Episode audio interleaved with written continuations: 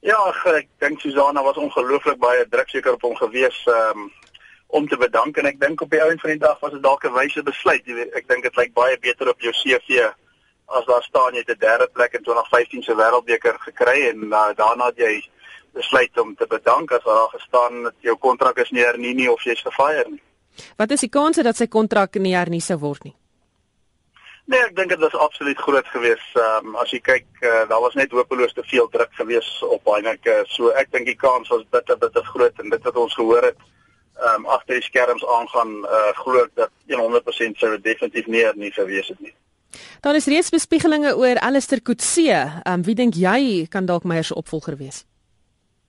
Ja, kyk, uh, ek dink heel eerste as, as ons gaan kyk, ek dink uh, definitief uh, Alistair. Ek uh, ek is amper 100% seker dit gaan nie 'n uh, man wees wat wat wat gaan opvolg, maar ek dink dieselfde moet mens gaan kyk na wie gaan saam met uh, uh, Alistair afrig. Jy weet, ek dink daar was hopeloos te veel mag gewees uh, van die afrigter wat kon besluit het wie se hulp afrigters gaan wees. En ek dink daar was ook uh, uh te veel mag gegee gewees om die spelers van keuse te gekies het. So as ek as as ek dink as jy kyk na my vraag direkte antwoord dink ek ehm um, Alice sal definitief al wees, maar ek sal graag wil sien dat ehm um, Saru tog kyk na uh ekspertise soos iemand soos John Mitchell wat wondere verrig het met die Lions en wat 'n uh, ervare uh afrigter is wat ook 'n oud Nieu-Zeelander is ek dink die tipe rugby wat hy gespeel het was was was, was absoluut briljant en ek dink dis iets wat uh, nodig is daar.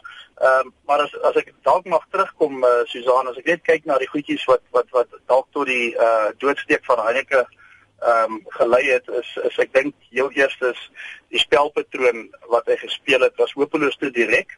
Ehm um, ek dink dit was 'n beeldinglose rugby geweest en ek dink ook nie ons het die vermoë gehad om om om agterlangs iets uit te rig nie en dan terselfdertyd dink ek uh as jy kyk na die keuses van spelers jy weet uh ehm um, hy het die geleentheid gehad om spelers soos Elton Jantjies dalk te kies of so maar eintlik het net volgehou met ehm um, uh, uh iemand soos Mornestein om te gaan haal het nadat hy nie eens meer die A-span in, in in Frankryk kon gehaal het nie en ook uh spelers soos Victor hulle wat baie oud was en dan beseerde spelers, spelers wat nie op vorm was nie soos die kaptein uh uh John de Villiers en daai goed. Dit is alle spelers wat nie hulle self kies nie. So ek ek ek glo dat uh die volgende afrigter ehm um, Alistair ek glo dit gaan hy wees.